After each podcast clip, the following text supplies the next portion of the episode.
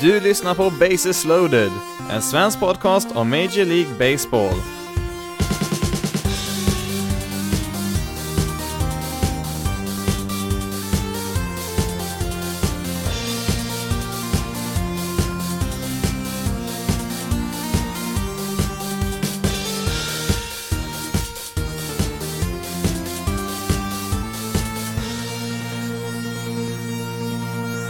Hej och välkommen till Bases loaded, en svensk podcast om Major League Baseball. I dagens avsnitt så ska vi kolla närmare på alla de här kontrakten som har skrivits på här nu den senaste veckan och sen ska vi även eh, kolla lite grann hur läget ligger till i varje division inför säsongen här nu. Skulle ni vilja följa Bases loaded på sociala medier så kan ni göra det på Twitter, Facebook och Instagram. Då letar ni upp eh, Bases loaded SE. Skulle ni vilja mejla in någonting så kan ni mejla till basisloadedse gmail.com. Det går även bra att besöka basisloaded.se där det publiceras diverse artiklar om lite, ja, lite allt möjligt skulle man kunna säga.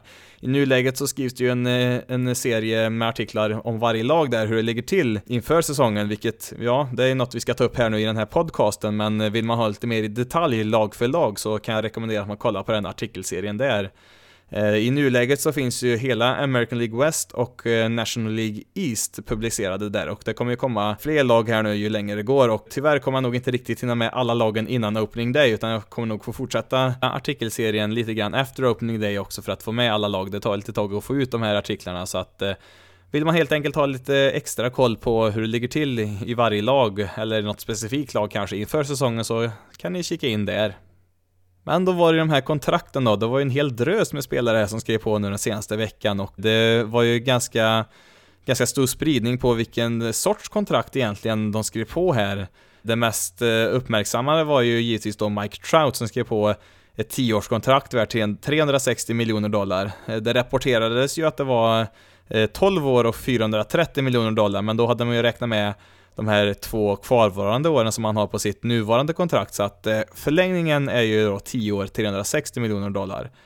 Och eh, de flesta var väl överens om att det här var nog ganska, ett ganska billigt pris för en spelare som Mike Trout, alltså ligans absolut bästa spelare, och det kan man väl kanske hålla med om. Han kommer då tjäna då 36 miljoner per säsong, vilket, ja, det är egentligen ganska marginell skillnad mot eh, Zach Greinke som tjänar lite över 34 miljoner per år i nuläget, som, had, ja, som hade rekordet då för snittlön per år. Så att eh, det är ingen jätteökning där när man kollar på hur mycket plats hans eh, lön kommer att ta på hela Angels payroll där då. Eh, det kommer inte att vara någon opt-out i hans kontrakt utan han räknar nog med att eh, stanna den här perioden i Los Angeles Angels då. Nu har ju Angels så här långt inte kunnat utnyttja att man haft ligans absolut bästa spelare här nu under flera år. Man har ju bara varit i ett enda slutspel under Trouts karriär och där åkte man ju ut eh, direkt va? så det finns ju inga direkta framgångar så när man ser till laget, även om Trout har liksom visat år efter år att han är en helt fantastisk spelare. Så nu får man ju då en ny chans här då i 10, eller ja egentligen 12 år nu då från och med nu då att bygga kring eh, Trout och ja, det blir väl också Shohei Otani ska väl förhoppningsvis också vara en viktig del av det här lagbygget. Det som man kommer att komma in på lite senare, så man har ju en del bra spelare i sin lineup, men deras rotation är ju i nuläget ganska eh, Ja, det finns mycket frågetecken där för du uttrycker det snällt kan vi väl säga. Eh, men man har faktiskt en ganska bra farmsystem där, inte ett av de här absolut bästa, men det finns faktiskt en del spelare underifrån som kommer kunna fylla på där inom några år. Så att, ja, vi får väl se då om, eh, om Angels nu kan eh, göra en ny satsning nu när man har, har sett till att Trout blir kvar här nu under en ganska lång tid.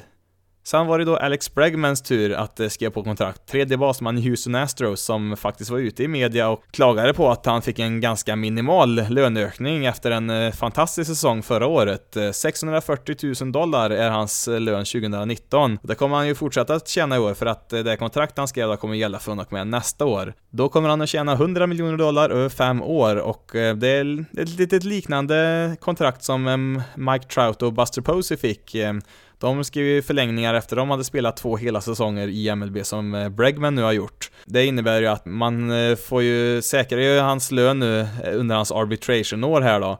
Och man tar även två free agent-år för honom, så han kommer vara 31 år när han blir free agent då efter det här kontraktet. Och ja, fortsätter han så bra som han gjorde förra året så kommer han ju säkert få en, en rätt hygglig lön även efter det va, även om 30, ja, 30-plussare har väl inte fått så jättebra kontrakt i regel de senaste åren här, men eh, det finns ju då undantag för de här riktigt, riktigt bra spelarna och eh, ja, Bregman har ju nämnts som en av favoriterna till att vinna en MVP i år. Han var ju med, han var inte riktigt med i den absoluta toppen förra året där, det var ju Mookie Betts och Mike Trout som var högst upp i omröstningen där, men eh, Bregman var lite, lite, inte så långt bak där ändå, så att vi får väl se lite vad han hittar på i år. Det mest intressanta kontraktet fick ju nog eh, Eloy Jimenez som eh, tillhör Chicago White Sox. Och har du inte hört talas om honom så är inte det så knepigt för han har inte spelat en enda match i MLB ännu. Och trots det så kommer han ju få garanterat 43 miljoner dollar över 6 år. Sen har ju även White Sox två klubboptioner där som de kan utnyttja. 32 miljoner dollar är de värda sammanlagt där, så att det kan ju bli upp till 8 år det här kontraktet. Det är ganska ovanligt att spelare får kontrakt eh, innan de eh, ens har spelat i MLB, men det har hänt eh, två gånger tidigare. John Singleton fick 10 miljoner dollar 2014 utav Houston Astros, men ja, hans karriär varade ungefär i, ja, 100 matcher han har med att spela, lite, lite drygt på två säsonger, vilket, ja, det är ju inte speciellt mycket och ja, i nuläget tillhör han inte någon organisation alls, så att, ja, för Singletons del så var det en ganska bra deal där. Scott Kingery fick ju 24 miljoner dollar förra året utav Phillies, som Ja, de var nog inte jättenöjda med första året på det här kontraktet för det var en ganska misslyckad säsong för Kingery överlag där, men ja, det finns ju en del år kvar där för han att spela bättre på. Men då Eloy Jimenez här nu då, 43 miljoner, alltså nästan dubbelt så mycket garanterade pengar som eh, Kingerys eh, tidigare rekord är för spelare som aldrig spelat i MLB förut. Ja, det, skillnaden är väl att eh, Eloy är ju då ett av ligans eh, absolut bästa prospects. Han rankas väl nummer tre, eh, brukar, man, brukar man hitta honom där, bakom Vladimir Guerrero Jr och Fernando Tatis Jr. Eh, han är en fantastiskt duktig hitter. Han är ingen bra försvarare och ingen bra baserunner heller, men eh, som sagt, som en hitter är han extremt bra. Eller han förväntas att bli det i alla fall. Han har ju krossat allt motstånd i, i minor League så här långt. Och då eh, när man kollar på kontraktet då, så åtta år låter ju ganska långt, men i praktiken så det är inte så mycket som det låter. Det är ju så här att varje lag har rätt att kontrollera en spelare i sex år från och med det att de eh, kommer på MLB-rosten där. Men eh, om man skickar ner dem där i minor leagues eh, några veckor, eller ett par tre veckor bara, i början av säsongen och sen kommer det på MLB-rosten så får man ytterligare ett år utav kontroll. Så att i praktiken så kan man ju behålla spelare i sju år. Och ser vi då, då att detta kan bli ett åttaårskontrakt så är det egentligen bara ett år utav free agency som i praktiken försvinner då i dagens system. Så att ja, det är nog inte så himla dum deal ändå. Visst hade han ju tjänat mer pengar eh, på att eh, inte skriva på det här kontraktet om det visar sig att han blir så här bra som man tror att han kan bli. Men eh, det är ju svårt att säga nej till en sån här lön innan man ens har satt sin fot i MLB. Det, det kan ju hända mycket, det räcker med en enda skada så är det liksom slut. Men oavsett vad som händer nu då så är han ju garanterad minst 43 miljoner dollar, vilket, ja, det är väl inte så dumt ändå. Sen så har vi ju regerande Cy Young-vinnaren Blake Snell som skrev på ett kontrakt för Tampa Bay där. Och det liknar ju det här kontrakten som ehm, Aaron Nola skrev på med Philadelphia och Luis Severino i Yankees. Alltså de skriver på ett, eh, för en 4-5 år här nu runt eh, ja, 40-50 miljoner dollar någonstans där, alltså ungefär hälften av vad eh, Alex Bregman fick som har spelat ungefär lika länge i MLB som de här spelarna har gjort. Och det har väl mycket med att göra att det är ju mycket större risk med pitchers, det räcker ju med en skada så kan det vara liksom över med deras karriär, eller så är de betydligt mindre effektiva än vad de varit tidigare. Det händer ju givetvis med position players som Bregman också, men det är betydligt mer ovanligt.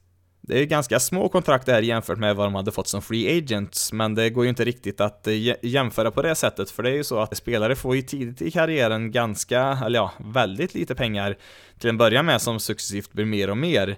Sen är det ju i teorin då ska de ju få eh, st stora pengar sen när de blir free agents, men det här systemet har ju havererat då för free agents de senaste åren, vilket gör att fler och fler då skriver på eh, kontrakt tidigare för att de ska sli slippa free agency och sen vara säkra på att de faktiskt får en ganska bra summa pengar ändå. 40-50 miljoner dollar är ju, det, det är inte direkt någon liten summa för, ja, för vem som helst egentligen. Sen hade vi ett par andra tunga profiler här som skrev på kontrakt. Det var ju Paul Goldschmidt, eh, första basman i St. Louis Cardinals, som skrev på för fem år och 130 miljoner dollar. Kontraktet kommer ju då börja från och med nästa år. Eh, han kom ju i en trade från Arizona Diamondbacks där som han spelade hela sin karriär och ja, han skulle ju bli free agent efter det här året egentligen så att eh, Eh, med den här kontraktsförlängningen så blir det en ganska bra trade där för Cardinals, för jag tror att Goldschmidt kommer nog att hålla ganska bra även när han blir lite äldre. Han fyller ju 32 i år, men han spelar ju redan på första bas och han är ju väldigt duktig på det, så att jag tror även när han blir äldre och han blir sämre på positionen så kommer han nog ändå vara väldigt produktiv där, så att jag, jag gillar den dealen där. Sen så skrev ju även Chris Sale på för fem år där i Red Sox, värt 145 miljoner dollar var hans kontrakt där, sen fanns det väl lite optioner och lite andra bonusar med där också. Men eh, ja, jag gillar den här dealen också. Det är en, eh, ja, han är ju absolut värd lite drygt, ja det blir väl strax under 30 miljoner dollar per år.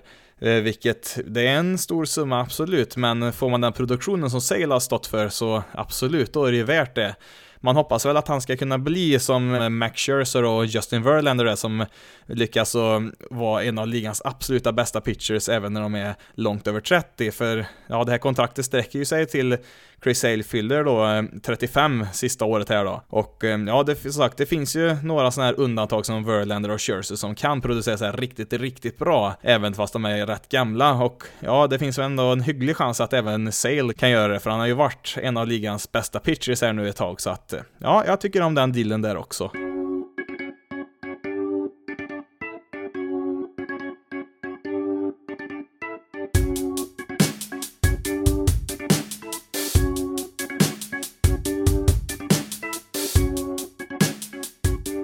Ja, då ska vi se hur läget ligger till nu då i varje division inför säsongen 2019 och vi kommer börja med American League West. Det finns väl egentligen bara ett enda lag som ska vinna den här divisionen och det är ju Astros som, eh, ja, de ska ju vinna igen helt enkelt. Det måste ju nästan hända något katastrofalt för att eh, det här inte ska gå vägen i år igen. Eh, man har ju däremot eh, tappat en del spelare i sin rotation där. Man har ju kvar Verlander och Cole som är, ja det är ju en riktigt bra första och andra pitcher där. Sen så har man ju däremot tappat då Charlie Morton i Free Agency, och även Dallas Keuchels kontrakt tog ju slut där. Han har ju för sig inte skrivit på något nytt kontrakt än, så han skulle ju teoretiskt sett kunna komma tillbaka, men Inget eh, vad jag har hört nu när jag spelar in det här i alla fall. Och sen så har man ju även Lance McCullers där som opererar sig i höstas och kommer missa hela säsongen. Man har ju ganska bra bredd på sina pitchers, man har ju en del eh, före detta starters i sin eh, bullpen där förra året som säkert kommer ta plats där. Sen så har man ju ligans absolut bästa pitching prospect där, Forrest Whitley, som säkert kommer dyka upp under året någon gång. Så att jag tror nog man löser den här rotation-frågan ganska bra. Men ja, som sagt, man man ska ju vinna den här divisionen och gärna ganska stort, för ser vi på de andra lagen så är det väl främst Angels som har pekats ut som det näst bästa laget i divisionen och ja, det säger väl inte så jättemycket. Man har ganska bra position players, de som startar, men ser man sen vilken bredd de har om någon skulle bli skadad så ser det inte alls bra ut på någon position egentligen. Eh, även deras rotation är ju väldigt eh, tvivelaktig, som man har ju värvat in Matt Harvey bland annat. Eh, Trevor Cahill gjorde ju i och för sig en väldigt bra säsong förra året i Oakland, så att han kan säkert bidra med något, men eh, för att de ska på något sätt kunna hota Astro så måste de ju i princip eh, ha en, en, rotation som eh, överpresterar samtidigt som hela laget håller sig friska, för det finns ju som sagt inte mycket bakom alla starters att sätta in där och eh, ja, Angels har ju haft oerhört problem med skador de senaste åren här så att ja, jag skulle nog inte eh, hålla för mycket hopp för att Angels ska kunna vara med och rota sig i divisionsracet där så mycket. Eh, det, är väl, ja, det är väl inte så viktigt heller för Angels att vara bra just i år, utan man har ju fått det här stora kontraktet nu på Trout, så nu får man lite tid att faktiskt bygga upp något nytt här, även när eh, Shohei Otani, han blir ju förhoppningsvis helt frisk sen till nästa säsong och kan vara med där som både pitcher och, och hitter. I Oakland då, så det, det är väl inte helt orealistiskt att de faktiskt kan ta en wildcard-plats, men det är ju upp till deras rotation då som det är väldigt svårt på förhand att veta vad kommer de faktiskt att prestera där. Det kommer nog hänga en hel del på det för att man har ju faktiskt sina position players har man faktiskt väldigt mycket talang där på flera lagdelar. Så att eh, där tror jag nog att det blir bra. Men det är ju som sagt deras rotation som, eh, ja förra året var man ju tvungen att bygga om den helt eh, från grunden nästan. Eftersom det var så mycket skador så fick man ju lappa ihop det på något sätt mitt under säsongen vilket sällan slutar väl. Men ja på något sätt löste de ju det där och ja, det, det, frågan är om deras rotation kan spela tillräckligt bra för att lämna över till deras bullpen som är betydligt starkare. Så att det, det är väl lite nyckeln till framgång där. Sen har vi ju Seattle som eh, Ja, de vann ju 89 matcher förra året, vilket är ett tecken på en bra säsong, men eh, det var ju ändå en besvikelse eftersom man tappade sin eh, placering. De hade ju wildcard-platsen där ganska säkert ett, under ett bra tag, men eh, sen kom ju som sagt Oakland från ingenstans där och kom ikapp och sprang ifrån ganska snabbt. Så att eh, man valde ju nu istället för att fortsätta satsa på den truppen man hade att eh, trade iväg, eh, ja nästan, inte, eller inte alla bra spelare, men många. Ed Edwin Diaz, Robinson Cano, James Paxton och Mike Sunino, Ja, det var en del namn till där man skickade iväg. Så att eh, det kommer inte bli några jättemycket vinster i år, men det kommer väl inte bli några hundra förluster heller tror jag. Utan jag tror de är nog, de är nog lite bättre än man faktiskt tror. Man har ändå en del hyfsade spelare kvar där. Sen har vi då Texas Rangers som, ja, det var väl ingen rolig säsong förra året och eh, ja, det mesta tyder väl på att det inte blir så roligt i år heller.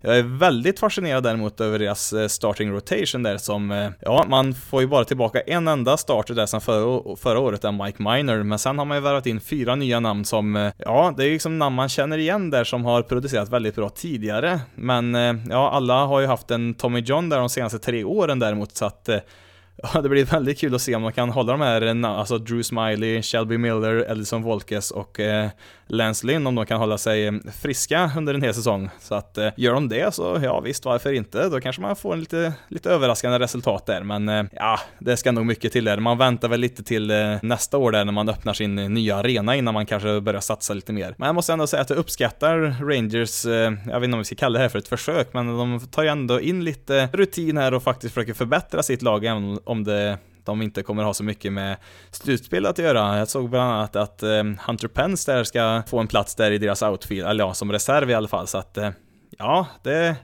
tummen upp i alla fall till Rangers, även om det säkert inte kommer gå så bra i år. American League Central, ja, vad ska vi säga här? Man blir nästan deprimerad när man tittar på den här divisionen, för man har ju visst, Indians är ett väldigt bra lag, men när man ser laget, eller divisionens bästa lag, aktivt försämra sin roster istället för att förbättra och sen göra sig bättre ifrån sig i slutspelet, så ja, då vet jag inte riktigt vad man ska tänka egentligen. Man har ju försökt att eh, lasta av eh, sina pitchers bland annat för att eh, sänka sin payroll, som inte, är väl inte så jättehög till en början med, men visst, Cleveland är väl inte en jättestor marknad där man tjänar massa pengar, men eh, det känns ju ändå tråkigt att eh, det här laget som ska, i, alltså som skulle kunna vara ett hot i slutspelet faktiskt försämra sina chanser. Man har ju dessutom tappat Michael Brantley och eh, Andrew Miller där i, i Free Agency så att eh, det är ett sämre lag som eh, kommer till start i år jämfört med förra året men på något sätt så kommer de ju förmodligen ändå vinna den här divisionen ganska säkert skulle jag tro. Man har ju då i och för sig sin rotation som, ja jag tror nog en del skulle nog kunna påstå att den här är ligans absolut bästa rotation och ja jag vet inte om man skulle sträcka mig så långt redan nu men de har potential att vara absolut. Det är väl egentligen bara Twins där då som ska kunna hota Indians, och det sa vi ju även förra året, vilket, ja, det gick ju inte sådär jättebra kan vi ju säga. Det finns ju en del frågetecken kring deras pitching och även om man nu har faktiskt har eh, förbättrat på lite positioner här så är det fortfarande deras pitching någonting som de inte har rört alls nästan så att eh, ja, jag vet inte riktigt. Jag tycker om att de fick in Marvin Gonzales där i alla, fall som eh, var free agent där som spelade i Astros tidigare som kan spela ja, nästan varenda position på hela planen i princip. Fick de på ett ganska bra kontrakt där så att jag gillar den värvningen där men nej, jag tror inte att de kommer ikapp Indians i år faktiskt om man ska vara helt ärlig. Chicago White Sox, de eh, ja, vad ska vi säga här? De behöver ju nästan ta ett steg framåt i år i alla fall. De har hållit på med sin rebuild ett litet tag nu och eh, man, vi fick ju faktiskt se Michael Kopech eh, pitch där spela lite i slutet på förra säsongen och han gjorde det ju riktigt, riktigt bra. Men han eh, gick ju sönder där tyvärr då och eh, åkte ju på en Tommy John där som kommer missa hela det här året.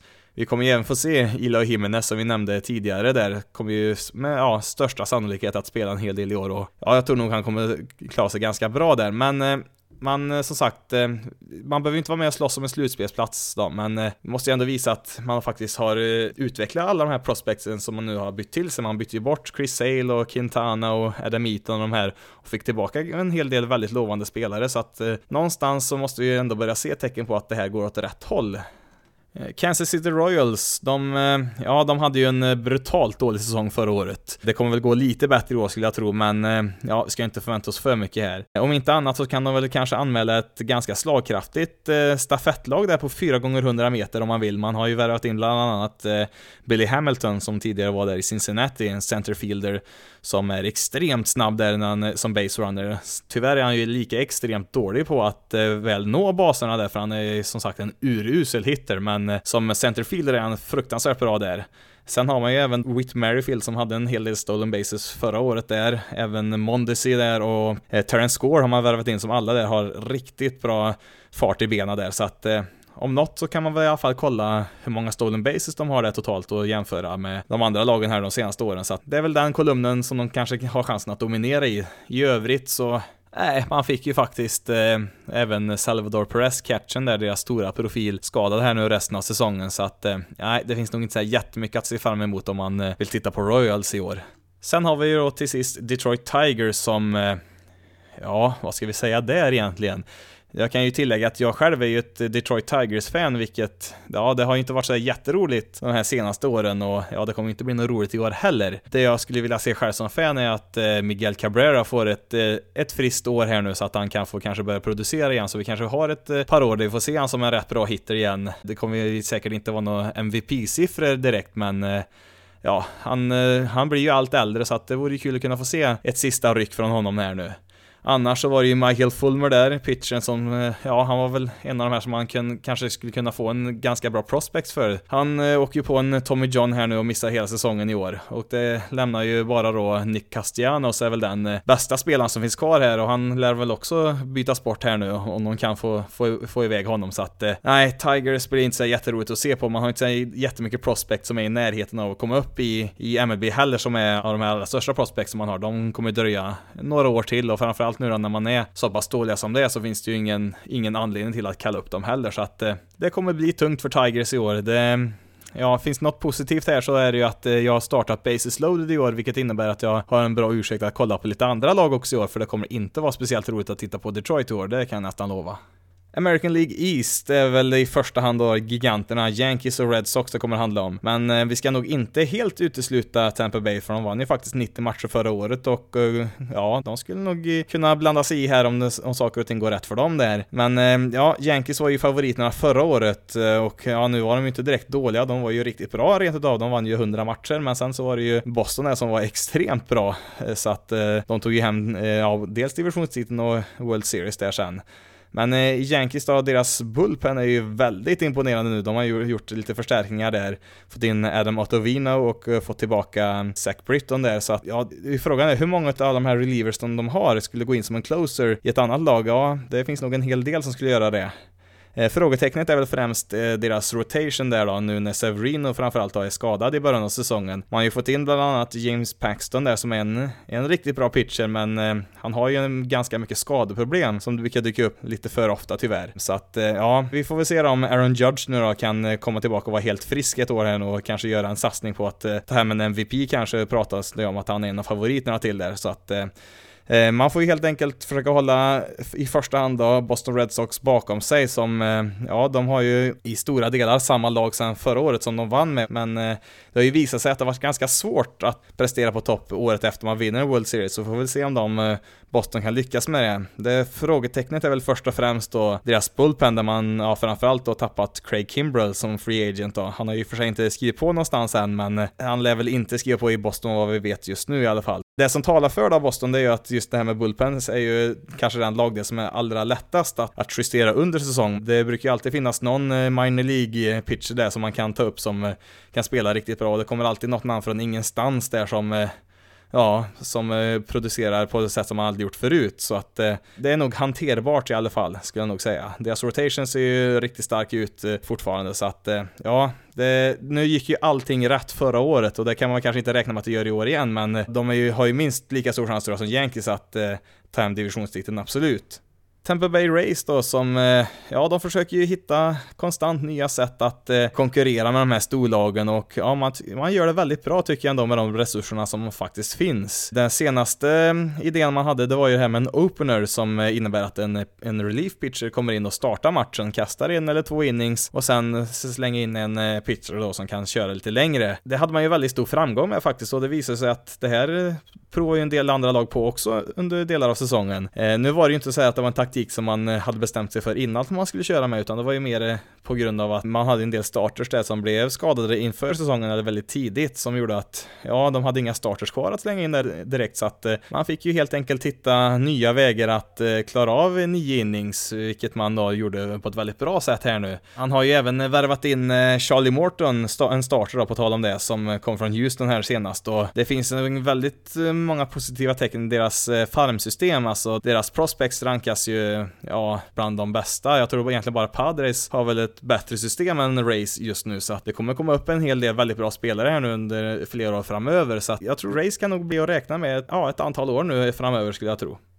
För Torontos del så finns det egentligen bara en enda sak som spelar roll i år och det, det är inte slutspelet, för där kommer de inte att hamna, utan det är ju Vladimir Guerrero Jr som, eh, ja, du kanske känner igen det namnet. Pappa Vladimir Guerrero är ju en Hall of Famer, han blev ju invald där ganska nyligen. Nu kommer ju alltså då sonen då, Junior, som är, ja, det är nog det största prospect vi någonsin sett. Eller ja, vi kanske kan eh, jämföra med Alex Rodriguez var ju också, fanns ju också en hel del hype runt omkring, men kollar man med vad scouter och sådana som skriver om prospects, vad de säger, så är det den bästa hitten de liksom någonsin har sett. Spel spela i en minor leagues. Han, eh, ja, han är ju ingen försvarsspelare, det är han inte direkt. Han är en väldigt stor spelare här som inte kommer att hålla på tredje bas speciellt länge som han spelar just nu. Utan det här är ju en extremt duktig hitter som kommer, ja, alltså förväntningar på honom är astronomiska. Och ska han motsvara all eh, uppmärksamhet som han har fått så ska han ju nästan vara med i diskussionen kring en MVP nästan, så att eh, nu är väl det kanske lite väl att ta i, men eh, ja, jag tror nog han kommer vara bra från dag ett när han väl får spela i Toronto, det tror jag nog. Sen för Toronto överlag då så är väl, har man väl inte så jättemycket att hämta den här säsongen förutom att se utvecklingen på just eh, Vladimir Guerrero där då. Man har ju även en del eh, spelare som är, spelare som eh, i, sin, i sitt eh, farmsystem där som är ganska nära att få spela i, i MLB som säkert också kommer dyka upp under året. Så att det här, det här året blir väl mer att eh, kolla på de unga spelarna och se om de verkligen lever upp till, eh, till eh, de förväntningar som finns på dem. Sen så har vi då stackars Baltimore där då. 47 vinster förra året.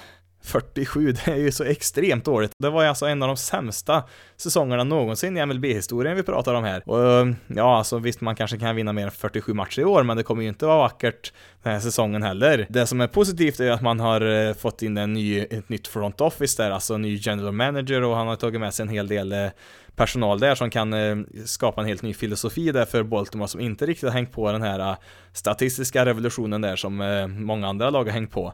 Så att man får ju bygga upp mycket från nästan från grunden här. Det kommer ju ta ganska många år innan vi kommer se ett slagkraftigt lag i Baltimore igen, det är jag ganska säker på. Men man har förhoppningsvis i alla fall ganska bra folk på plats där för att bygga upp det här igen, men som sagt, det, det kommer dröja många år innan vi får se ett Baltimore som kan konkurrera igen. Vi hoppar vidare till National League West som har dominerats utav Dodgers nu då i ganska många år och ja, det mesta talar för att eh, det är de som vinner i år igen. Man har ju tradat iväg Jazel Puig och eh, Alex Wood till Cincinnati hamnar ju de och eh, det är väl, man har ju sån, sån bredd i sitt lag att man var nästan tvungen att göra sig av med lite spelare för att göra plats på sin roster där för att man har ju inte nödvändigtvis superstjärnor på alla platser men man har många väldigt bra spelare på flera positioner som då har fått spela lite mindre då. De hade ju på and i andra lag så hade de ju varit givna att starta varenda match nästan, men i just Dodgers då har man ju satsat på att rotera olika spelare från match till match ofta, som gör att eh, man får lite mer begränsad speltid. Så nu, nu var det väl dags att kanske bli av med ett par spelare här för att eh, en del spelare ska få spela lite mer. Det mest intressanta är väl däremot Clayton Kershaw som har varit skadad mycket nu på sistone och ja, han kommer ju vara skadad nu i början av säsongen också så att det kommer ju dröja innan vi får se honom starta här. Han, eh, ja, han är ju inte längre ligans bästa pitcher, det är han ju inte. Han är ju fortfarande riktigt bra, det är han. Men han är inte den här absolut superdominanta pitchen som satte skräck i ligan här under många år. Så att eh, vi får väl se i vilken form han kan komma tillbaka här nu. Jag tror fortfarande han kommer att vara e- effektiv, absolut, men eh, ja, hans glansdagar är ju helt klart bakom honom. Det största hotet mot Dodgers det är ju då Colorado Rockies som faktiskt tvingade fram en 163 match där för att avgöra vilken av de här två lagen som skulle gå direkt till slutspel och vilka som skulle spela en wildcard-match. Så att eh, de var ju närmare än vad man kanske trodde där förra året. Nyckeln till framgång här är ju deras starting rotation som var riktigt, riktigt bra förra året, vilket säger en hel del eftersom de spelar i just Colorado. Det är ju sedan tidigare känt att det är väldigt svårt att vara pitcher i Colorado då man spelar på hög höjd, vilket gör att, ja, med den tunna luften så får man inte riktigt lika mycket skruv på bollen som i sin tur gör att det blir mycket lättare för alla hitters att faktiskt träffa bollen. Ehm, nu har man ju däremot hittat flera väldigt duktiga pitchers här som ehm, producerat riktigt bra, både i Colorado och eh, i resten av landet också, vilket, ja, får man till det, då, då ser det faktiskt lovande ut. Och det är väl något oväntat så är det väl deras offensiv som har, som har haltat lite.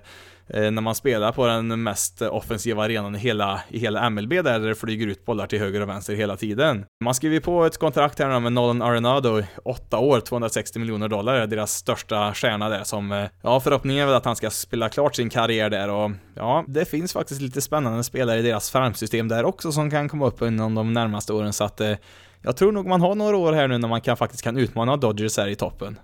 Vinterns överlägset eh, största överraskning var ju utan tvekan men Machado till San Diego Padres, vilket ja, nog väldigt få hade förutspått innan. Man eh, hade väl kanske trott att han hade kunnat komma tillbaka till National League West eh, den här säsongen, men i Padres, nej, det var vi nog inte många som trodde. Han kom ju till Padres då som, ja, man har en del hyfsade spelare i truppen redan, men det är framförallt deras unga prospects där i deras farmsystem som är, de har ett fantastiskt djup där, alltså det är det bästa farmsystemet i hela MLB just nu. Vi har ju några spelare där som kommer att komma upp här inom en ganska snar framtid, framförallt då Fernando Tatis Jr som kommer att spela shortstop där i, i framtiden. Deras stora svaghet är ju deras eh, pitchers, eller ja, deras starting rotation som är, ja, den är inte bra alls. Och man har i det här farmsystemet då ganska många bra pitchers, men de är så pass unga att det kommer dröja ett tag innan de faktiskt är redo för spel i MLB. Man har bland annat då Chris Paddock, är väl en av de här få som faktiskt är kanske redo redan nu, men eh, det kommer dröja ett par år innan man faktiskt har ett riktigt slagkraftigt lag tror jag, för det är just deras starters här måste man ju arbeta på. Sen får vi se om man har några pengar kvar nu då med Machados stora kontrakt och kanske värva in någon spelare där, för att eh, se på deras infield så har man ju i princip alla spelare där med Machado, Tatis, man har Luis Urias, en ung spelare där som har testat på lite spel i MLB redan, och Eric Hosmer där på första bas. Så att eh, just den delen av eh, laget ser ju väldigt, väldigt stark ut inför framtiden. San Francisco Giants är ju ett lag på nedgång helt klart. Eller ja, de kanske redan är på botten för allt vi vet, men eh, jag skulle inte ha så stora förhoppningar på eh, Giants i år. Det har ju kostat en hel del att ligga på topp så länge som de har gjort och man har ju nästan ingenting kvar i sitt farmsystem längre nu. Det är väl egentligen bara Joey Bart där, en catcher som man draftade som nummer två i förra årets draft då, som, eh, ja, han kommer nog att bli riktigt bra där, en ersättare till Buster Posey. Tyvärr är det ju så här för de här eh, lagen som har varit bra under en längre tid att de gärna försöker eh, stanna kvar där genom att eh, eh, sälja av alla lovande spelare de har, vilket gör att när man nu väl kommer ner på botten så tar det ganska lång tid innan man kommer igång igen. Det är lite det, det som vi ser nu bland annat i Detroit. Eh, för Giants del då så har man ju en fördel att man faktiskt har förmågan att spendera väldigt mycket pengar och med sådana finansiella muskler som man faktiskt har i San Francisco så kan man i alla fall snabba på den här processen lite grann. Något att ha lite koll på det är ju Madison Bumgarner som nu kommer in på sitt sista år på kontraktet här. Frågan är ju om han har en bra säsong nu, om han vill komma tillbaka till Giants som eh, kommer vara några år från att vara eh, ett riktigt bra lag igen, eller om han vill eh, försöka satsa på att vinna mer i något annat lag. Till sist då Arizona Diamondbacks som, ja, tyvärr så ger de ju upp här. De var ju faktiskt i ledningen av divisionen här väldigt sent på säsongen förra året. Sen kollapsade man lite grann där i september, men ja, man har väl kommit fram till att man inte vill konkurrera med Dodgers här nu i toppen, utan man satsar väl några år framåt, vilket, ja, då får man ju istället kanske se ett superlag i San Diego istället, så att, eh, ja, Eh, det är väl inte helt överraskande här för eh, man vill ju inte spendera speciellt mycket pengar och då gjorde det ju att eh, både AJ Pollock och pitchen Patrick Corbin där lämnade som free agents. Sen valde man ju också att trada iväg Paul Goldschmidt till Cardinals, alltså deras bästa spelare de senaste åren. Så att det, det var väl inte helt oväntat att det här skulle hända, men det är ju givetvis fortfarande en besvikelse för man vill ju ha så många bra lag som möjligt. Det var ju här ett par år när man hade ett riktigt roligt race med Dodgers, Diamondbacks och Rockies där man hade tre lag där som kunde vara med och slåss om titeln, men eh, ja, nu har man ju helt enkelt valt att dra sig ur det racet för den här omgången i alla fall, så att eh, 2019 blir nog inte lika roligt att eh, följa det här laget kan jag nog lova.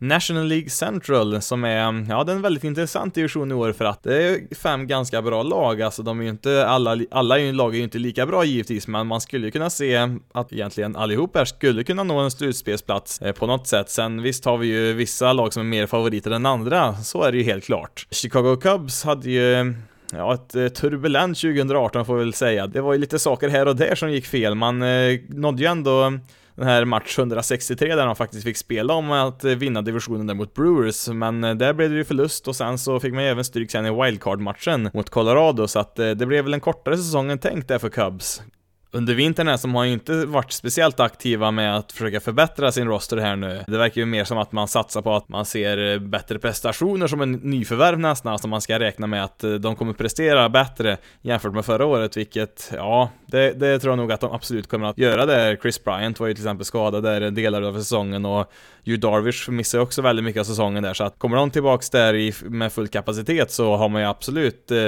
tagit igen en del där, men eh, det känns ju som att i den här divisionen som kommer bli ännu tajtare i år så hade det nog inte skadat att få in någon form av förstärkning här under vintern, även om man kanske inte hade siktat in sig på just Harper eller Machado just då. Men ja, det är de förutsättningarna man får, eh, man får räkna med här nu i, i Cubs den här säsongen. Cincinnati Reds är väl det lag som har gjort mig mest glad under vintern, att de har faktiskt har gjort en, de har gjort en ordentlig satsning här nu, för om de var ett av de sämre lagen i ligan här nu i flera år, så har man faktiskt sett till att stärka sin rotation som har varit fullständigt bedrövlig här i några år nu. Eh, man har ju värvat då Sunny Gray, Tanner Rourke och eh, även, eh, ska vi säga, Alex Wood också. Fick man ju trade med, med Dodgers och sen fick man även med i den samma trade, där fick man även med Yasel Puig bland annat och ja, Matt Kemp kanske får spela något han också. Men eh, ser man på deras lineup så är den faktiskt ganska bra lineup de har där. Eh, det är ju just deras pitcher som har varit en stor svaghet de här åren. Men eh, ja, jag skulle nog inte räkna med en slutspelsplats för Reds, men någonstans innerst inne så hoppas jag ändå att de skulle kunna nå dit att eh, bevisa att det faktiskt lönar sig att eh, göra en satsning här nu i en division som för övrigt är ganska tuff. Pittsburgh Pirates har ju, ja det är många som tror rätt mycket på dem i år, eller jag tror att de kan göra väldigt bra ifrån sig och ja, alltså jag tror nog säkert att de kan ha en rätt hyfsad säsong, men jag är väl inte riktigt lika övertygad om eh, att de kommer att eh, vara sådär jättebra i år, men eh, alltså de har ju en, en trupp som består av, man ska säga, bra spelare. Eh, man har ju inga superstjärnor, eller ja, stjärnor för den delen också. Det är väl, ja, Chris Archer då, starten som de eh, tradade till sig förra året där, kanske skulle kunna kvalificera som det, men eh, Annars är det som sagt bra spelare som producerar liksom på en bra nivå, men eh, det är väl inget eh, extra så här man får utav dem. Eh, en spelare att ha lite koll på här är ju Jameson Tyone, en, en starter där som hade en väldigt bra säsong förra året, men många hoppas ju nu att han ska kunna ha en riktigt breakout-år i år där han etablerar sig på allvar här nu i MLB. Så att om han och Archer spelar riktigt bra så visst, då har man ju en bra grund att bygga på där, men om man skulle behöva förstärka under säsongen så Ja, alltså deras ägare vill ju absolut inte ha några höga löner här. Så att, eh, ja, det är nog högst marginella förändringar man kan göra mitt under säsongen skulle jag tro. Så att, eh, ja, jag är inte helt såld på Pittsburgh, men de kommer ju absolut inte vara något dåligt lag, det tror jag inte. Men, eh, ja, det blir nog svårt med slutspel skulle jag tro. Milwaukee Brewers var ju en eh, väldigt positiv överraskning förra säsongen. Eh, det var nog inte så många som trodde att de skulle nå ja, slutspel överhuvudtaget och eh, sen även eh, var, ja, bara en match från att ta sig till en World Series där. Ehm, man fick ju en väldigt mycket produktion där i sitt outfield där, Lorenzo Kane och eh, Christian Jelic som man faktiskt tradade till sig förra vintern. Och eh, ja, jag tror inte vi kan räkna med att Jelic upprepar sin MVP-säsong där. Det är liksom ja, det är väldigt svårt att prestera på den nivån två år i rad där, men ja, han kommer ju säkert vara väldigt bra i år också. Man har väl inte gjort några så här jättestora förändringar, man har fått tillbaka Mustakas som man hade där under delar av förra säsongen. Det, det största förvärvet är väl framförallt då Yasmani Grandal som, eh, ja han hade ju lite svårigheter i slutspelet där, catchen där för Dodgers och ja det var ju just mot Brewers där som det inte gick speciellt bra skulle man kunna säga. Så att man fick ju han där på ett ettårskontrakt så att han kommer definitivt att hjälpa laget under 2019. Det är väl inte lika klockrent där bland deras starters där som, ja de, de är ju inte dåliga men eh, det är ju inte direkt en av de bästa starting rotations som finns här i ligan så att det är ju framförallt deras bullpen som är riktigt, riktigt bra så att eh, det gäller ju för deras rotation då att helt enkelt se till att hålla tillräckligt länge för att kunna lämna över en, en ledning då till deras bullpen för att det ska kunna gå vägen då, för att eh, ja, just i deras bullpen har vi ju några riktigt vassa namn där, framförallt Josh Hader var ju riktigt, riktigt bra där förra året. Jag tror säkert att eh, Brewers har en hyfsad chans att eh, nå slutspel i år igen, men det är ju så att i den här divisionen så är det ju något eh, rätt bra lag förmodligen som kommer att missa en slutspelsplats och sen vilket av dem det blir, ja, det får vi helt enkelt se. St. Louis Cardinals har ju haft det lite, lite tungt här nu en liten period. Man sparkar ju managern där, Mike Matheny, eh, mitt under säsongen och eh, ja, nästan direkt där så börjar man ju spela riktigt, riktigt bra. Men nu var man ju lite för långt bak där i tabellen för att kunna hota om ett slutspelsplats, men eh, Ja, jag tror nog att Cardinals blir, eh, blir att räkna med i år faktiskt. Paul Goldschmidt som vi har nämnt tidigare kom in där på första bas där i en trade från Arizona. Tror han kommer passa in väldigt bra där. Man har även på free, i Free Agency här då värvat in eh, Andrew Miller där till sin bullpen så att man har förstärkt lite här och eh, det är, jag tycker ändå man har, hade ett rätt bra lag sen tidigare också, men man vill inte riktigt få till det där. Får deras rotation vara frisk där nu så kan det nog gå väldigt bra här. Får ju tillbaka bland annat där Alex Reyes som missade väl i princip hela förra säsongen där. Men eh, nu ska ju han vara tillbaka där. Han kanske, han får nog kanske börja som en reliever där så att man har lite sparkapital där i sin rotation också. Eh, men när man ser på deras lineup så Jo då, jag tror nog ändå att eh, man ska kunna vara med här och slåss om en eh, slutspelsplats i alla fall. Sen till sist då så avslutar vi med National League East som eh, kommer vara en väldigt intressant division i år. Det är ju de fyra bra lagen och Miami som vi har här. Just Miami kommer ju få det väldigt, väldigt tufft i år. De hade ju inga förväntningar ändå det här året, men med så här många bra motståndare så kommer det bli riktigt, riktigt tufft i år. Om vi då börjar i just Miami så Ja, det är ju inte en helt hopplös roster de sitter på här. Eh, det finns ju ändå lite profiler och så. Mm, Brian Anderson där på tredje bas var ju en riktigt positiv överraskning förra året där. Hade ju, eh, ja, i många andra år så hade han kanske rent utav varit en Rookie of the Year där, men eh, ja, nu fanns ju både Soto och Acuna där i samma division dessutom som var betydligt bättre. Men ehm, ja, att deras förhoppning i år är ju helt enkelt att man får se en utveckling på deras unga spelare framförallt. Ett exempel är ju bland annat eh, centerfielden där, Louis Brinson som eh, kom i en trade där med Milwaukee när man skickade Christian Jelic dit. Eh, han har ju varit ett väldigt högt rankat prospect, men hans debutsäsong var ju, ja, katastrofal var den ju faktiskt. Så att, ja, man behöver se mer från honom där. I övrigt så har man ju faktiskt värvat in några rutinerade spelare här, Curtis Granderson där i deras outfield och så har man ju Neil Walker som, ja, de kan säkert producera på en helt okej okay nivå. Deras bullpen var ju, ja den var ju sämst i hela MLB förra året och man har ju fått in Sergio Romo där som är rutinerad så att man kanske får lite uppbackning där i alla fall, men eh, i det stora hela så kommer det inte spela så stor roll. Eh, de andra lagen är helt enkelt för bra och det kommer att bli ganska många förluster i år, det skulle jag tro. Men ja, det är nog inte riktigt, riktigt så illa som det man skulle kunna tro här, men eh, ja, får man en dålig start så kan det i och för sig också gå ganska snabbt ut för. Atlanta Braves var ju en väldigt stor överraskning förra året. Eh, det, man förväntade sig att de skulle Eh, ta ett steg framåt i utvecklingen, absolut, men eh, att de skulle ta sig, eller att de skulle vinna divisionen, det var det nog inte direkt många som trodde.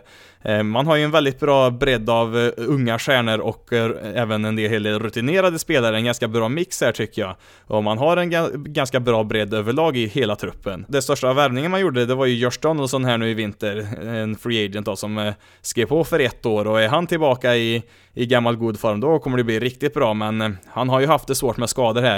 Men eh, ja, även om man skulle missa en hel del så är inte det hela världen. Man har eh, spelare som kan täcka upp där, både John Comargo där spelade ju riktigt bra förra året, så har man även ett eh, väldigt lovande prospect där, Austin Riley, som ja, han är väl i princip redo för att börja spela i MLB, så att eh, även om Donaldson inte håller där så har man, har man ju flera spelare som faktiskt kan spela den positionen ändå.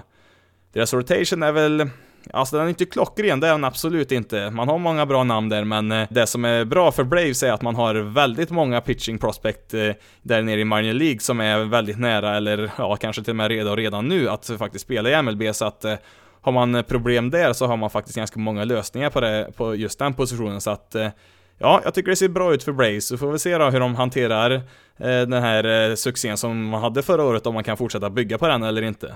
New York Mets var ju en besvikelse förra året. Eh, eh, man spelade ju väldigt dåligt där första halvan, men sen mot slutet så gick det ju betydligt bättre.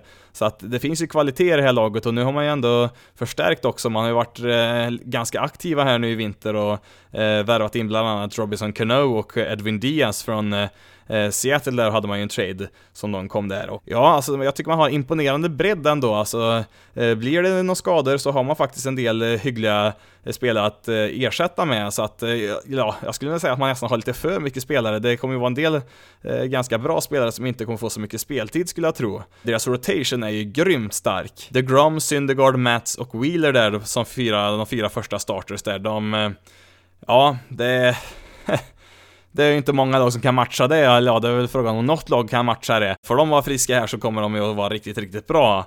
Eh, även deras bullpen ser ju väldigt bra ut också tycker jag. Ett namn att ha koll på det är ju Pete Alonso, en första basman där som ledde hela minor leagues i homeruns förra året. Han har ju en enorm råstyrka där i sin sving, så att eh, jag tror nog vi kommer få se en hel del homeruns redan eh, från eh, första början här. Han är ju däremot en ganska, eller ja, ganska, en rent ut sagt bedrövlig försvarare även på första bas, men eh, det är inte det man ska ha utkik på, det är hans eh, förmåga där som hitter och ja, man brukar ju säga om rätt många att de har en, en stark sving, men eh, det här är något eh, alldeles speciellt som vi kommer få se i år. Washington Nationals då, som eh, nu får klara sig utan sin eh, symbol här då, Bryce Harper, som, ja han stack ju till Phillies, men jag är inte helt övertygad om att det här laget är sämre. Jag kan nog nästan se att de kan vara bättre till och med, när jag tittar på deras roster här. Victor Robles tar ju plats då i, i deras outfield, en, ehm, en väldigt lovande spelare som var ja, deras eh, nästa stjärnspelare i deras outfield trodde man ju, men sen kommer då Juan Soto från ingenstans där, så nu har man ju båda de här två unga spelarna som ska vara riktigt bra tillsammans med Adam Eaton. Ser man till deras eh, rotation så har man ju stärkt den också. Patrick Corbin kommer där på ett stort kontrakt som free agent och man har även fått in eh, Annabelle Sanchez som, eh, ja han är ju gammal nu men han spelade ju faktiskt riktigt, riktigt bra där i Atlanta förra året. Det var nog inte så många som hade förväntat sig det, så att får man ut en okej okay prestation av honom det så ser det ju riktigt bra ut där med Max Scherzer och Steven Strasburg också. Det finns ju lite skadefrågetecken där på framförallt Strasburg, men eh, får deras rotation vara hel här så ser det ju riktigt bra ut och Ja, det är väl egentligen ett tema som går igenom alla lag här, förutom ja, Miami då, i den här divisionen, att eh, deras rotations här ser ju riktigt bra ut för många lag, så att eh, eh det här kommer ju bli en riktigt, riktigt tuff division. Det, det är det inga snack om.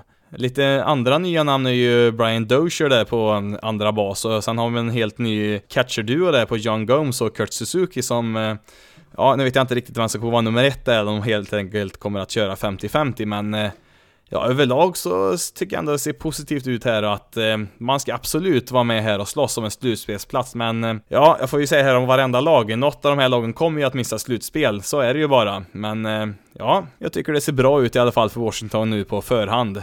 Och det sista laget vi ska gå igenom här nu då, det är ju då Philadelphia Phillies som har, eh, ja de har ju storsatsat här nu i vinter. Det är ju inte bara Bryce Harper man har fått in här på ett rekordkontrakt, utan man har ju värvat in eh, även eh, Andrew McCutcheon där i deras outfield och sen har man ju värvat in Gene Segura, shortstop, som kommer vara en stor uppgradering där från förra året. Även JT Realmuto som är en av ligans bästa catchers kommer ju förstärkas så att Ja, det här kommer bli spännande att se i år.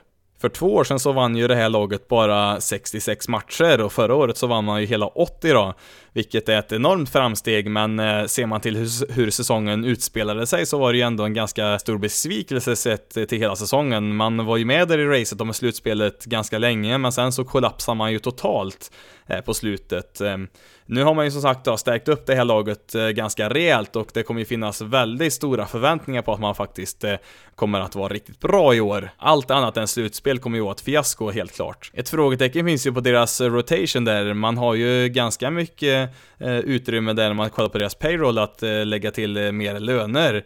Trots Harpers stora kontrakt här, men man valde ju då att fortsätta på de här fem starter som man hade förra året och Ja, Aaron Nola var ju suverän förra året, men bakom där så, ja, det var ju väldigt mycket upp och ner där. Till viss del berodde det ju på att man hade ett väldigt dåligt försvarsspel där bakom som inte direkt eh, hjälpte deras pitchers. Eh, Jake Arrieta eh, visar ju stundtals att han var riktigt bra, men det här var en av hans sämsta säsonger nu på ganska många år som han faktiskt hade. Pivetta, Velasquez och Eflin har väl alla potential att vara rätt bra pitchers, men Ja, det, de har en del, hel del att bevisa här, måste jag ändå säga. Och visar det sig nu att de inte håller här nu så kommer det nog ställas en hel del frågor varför man inte valde att förstärka just den här lagdelen under, under vintern. Som jag nämnde tidigare så är ju som sagt allt annat än slutspel, det måste jag ändå se som ett fiasko den här säsongen. Eh, som jag också har sagt tidigare på varenda lag att den här divisionen är ju så himla tung att spela i nu. Att, ja, något lag kommer ju missa här nu utav de här fyra. Tekniskt sett skulle ju tre utav de här lagen kunna nå slutspel, men eh, Ja, jag tror nog inte att det blir mer än två faktiskt, för att de här lagen kommer ju att vinna en hel del mot varandra skulle jag tro, om nu är så bra som vi tror att de kan bli. Vi får ju se om det är något lag då som kanske drabbas av väldigt mycket skador eller liknande och får en väldigt dålig start och ja, det kan ju gå eh, ganska illa rätt snabbt för en del lag ibland, men eh, Ja, det här ska bli en väldigt intressant division att följa. And each row given a standing ovation as he steps up. dead even with George Sisler. And a ground ball back at the middle, and there it is! He's a new all-time hit king in Major League history, number two, five, eight, my, oh Ja, där hörde du då Ichiro Suzuki när han slog iväg sin eh, 258 hit där säsongen 2004, alltså ett nytt rekord för antal hits under en säsong. Det blir ju totalt 262 där som fortfarande är ett rekord än idag. Det är ju så att man faktiskt spelar ett par matcher där i Japan mellan Seattle och Oakland och ja, det är ju faktiskt matcher som räknas i grundserien då, så att eh, säsongen har ju tekniskt sett börjat nu. Jag vill egentligen bara kort eh, notera Ichiros eh, pensionering här nu som är officiell efter de här två matcherna. 45 år gammal och 27 säsonger i professionell baseball. Eh, jag tänker inte gå in i några vidare detaljer här för det tycker jag att det finns det andra personer som kan göra mycket bättre än mig för att under de åren som jag har följt MLB så har han ju tyvärr inte varit en speciellt bra spelare. Så att eh, jag, jag överlämnar det ansvaret till de som eh, faktiskt var där och såg Ichiro där i början av 2000-talet där han hade sin eh, storhetstid. Han hade ju bland annat 10 raka säsonger där med över 200 hits, vilket, ja, det är ju helt otroligt och ja, det finns väl ganska många saker som är otroliga i hans karriär. Så att eh, det här är ju en framtida Hall of Fame-spelare, det, det är det inget snack om, men eh, Ja, vi säger väl helt enkelt tack och hej då, Ichiro.